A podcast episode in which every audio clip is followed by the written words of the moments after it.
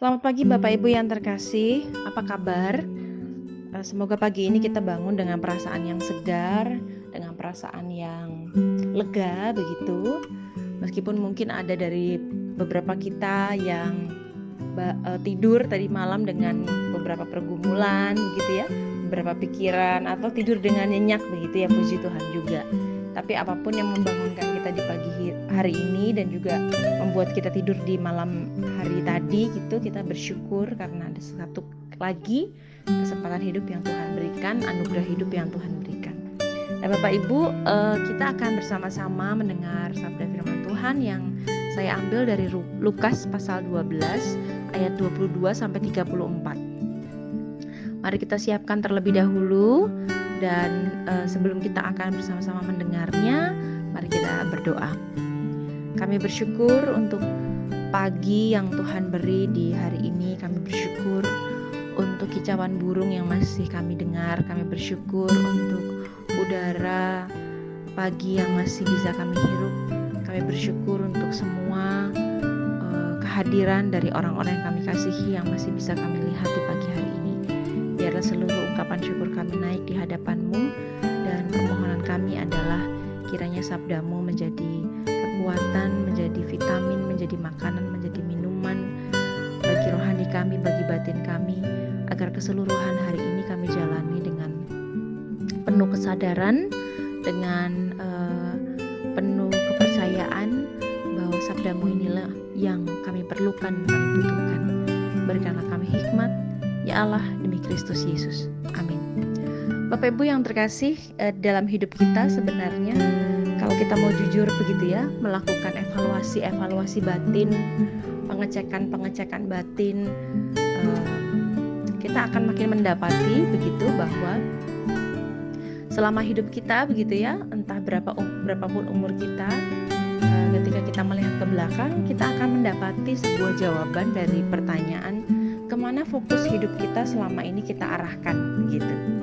Ini bukan tentang melihat atau menilai begitu ya mana yang baik mana yang benar. Bukan, tapi kemauan kita untuk sadar dan berani jujur pada apa toh yang selama ini menjadi fokus hidup kita akan sangat menolong kita untuk membaca teks ini dengan benar membaca kitab suci bukan hanya tentang membacanya secara teliti, membacanya secara runut, bahwa itu penting iya. Tapi membaca kitab suci adalah berani untuk juga membaca bagaimana situasi diri kita ketika kita membaca kitab suci itu. Membaca kitab suci adalah juga berani untuk melihat apa yang terjadi ketika kita mengarahkan fokus kita kepada setiap kata-kata yang ada di dalam kitab suci. Dan hari ini fokus hidup kita selama ini itu bahkan ada di mana? Karena pertanyaan dari per apa ya dari fokus ke mana fokus hidup kita itu diarahkan akan membuat kita setidaknya mengerti apa yang Yesus maksudkan terutama di ayat yang ke-34.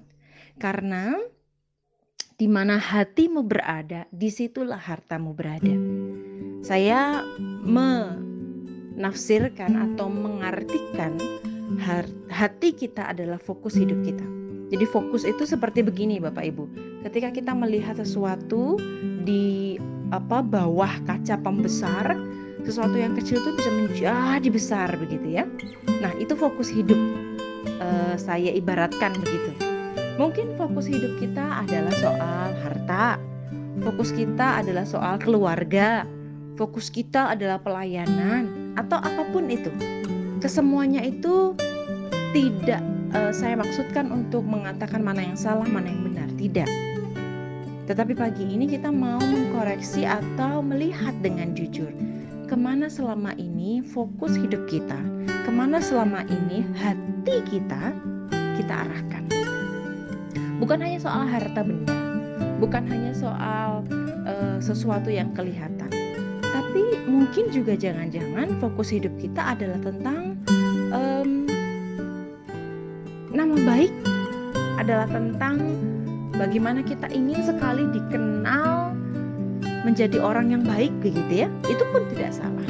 Tetapi kesemuanya itu akan menjadi sesuatu yang sangat menjerat kehidupan kita dan membuat mata kita kabur untuk melihat ke mana seharusnya fokus hidup kita kita arahkan ketika kita hanya hidup untuk fokus hidup itu begitu.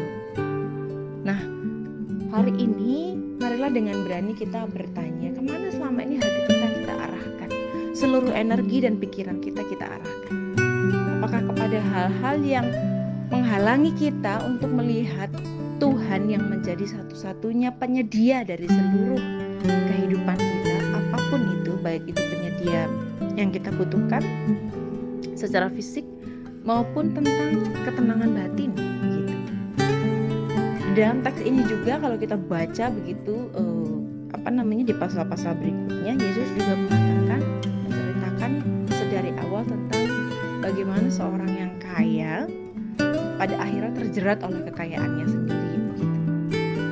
Nah, ayat ini mesti disambungkan dengan apa yang Yesus katakan bahwa ketika seseorang tidak berani melepaskan apa yang menjerat dirinya, bisa harta, bisa keinginannya untuk menjadi terkenal, bisa uh, apa namanya popularitasnya atau pengaruhnya apa pun apa pun itu sadar ataupun tidak pada akhirnya fokusnya akan menjadi kabur untuk melihat bahwa hanya Tuhan yang seharusnya menjadi fokus dalam hidup kita. Salah satu ciri di mana orang seseorang gitu ya akan fokus pada Tuhan dan itu menjadi sebuah proses bukan sekali jadi begitu ya Bapak Ibu melalui berbagai tempaan. Salah satu ciri orang yang berfokus kepada Tuhan adalah tidak menggenggam. Tidak menggenggam dalam arti tidak menggenggam apa pun yang yang dia pertahankan dalam entah harta, entah keluarga, begitu ya. Salah satu contohnya begini, uh, tentu tak ada seorang pun manusia yang mau kehilangan orang yang ia kasihi, khususnya dalam kematian, gitu. Tetapi ada banyak orang yang um, apa ya susah sekali melepaskan kenyataan bahwa e, dalam hidup kita semua orang akan kembali pada Tuhan Ada cerita yang mungkin juga pernah kita dengar tentang bagaimana susahnya e, keluarga begitu ya berani melepaskan kenyataan bahwa keluarga yang mereka kasihi sudah di dalam tahap terminal illness begitu ya dan harus dilepaskan direlakan sehingga sulit sekali dia untuk kembali ke rumah Tuhan. Atau cerita-cerita yang hampir seperti itu. Rasanya terlalu berat dan tidak rela.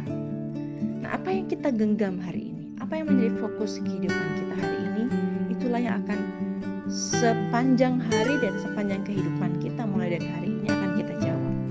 Karena di mana hatimu berada di situ pula hartamu berada.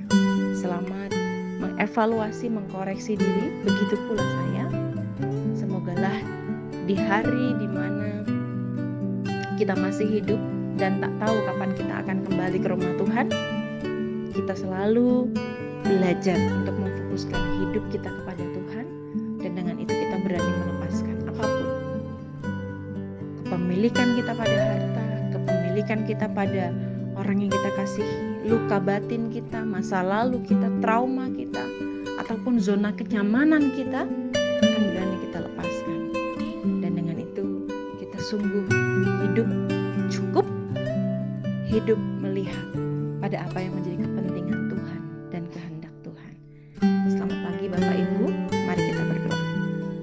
Ya Tuhan karuniakanlah kepadaku keberanian untuk melepaskan apa yang aku genggam selama ini.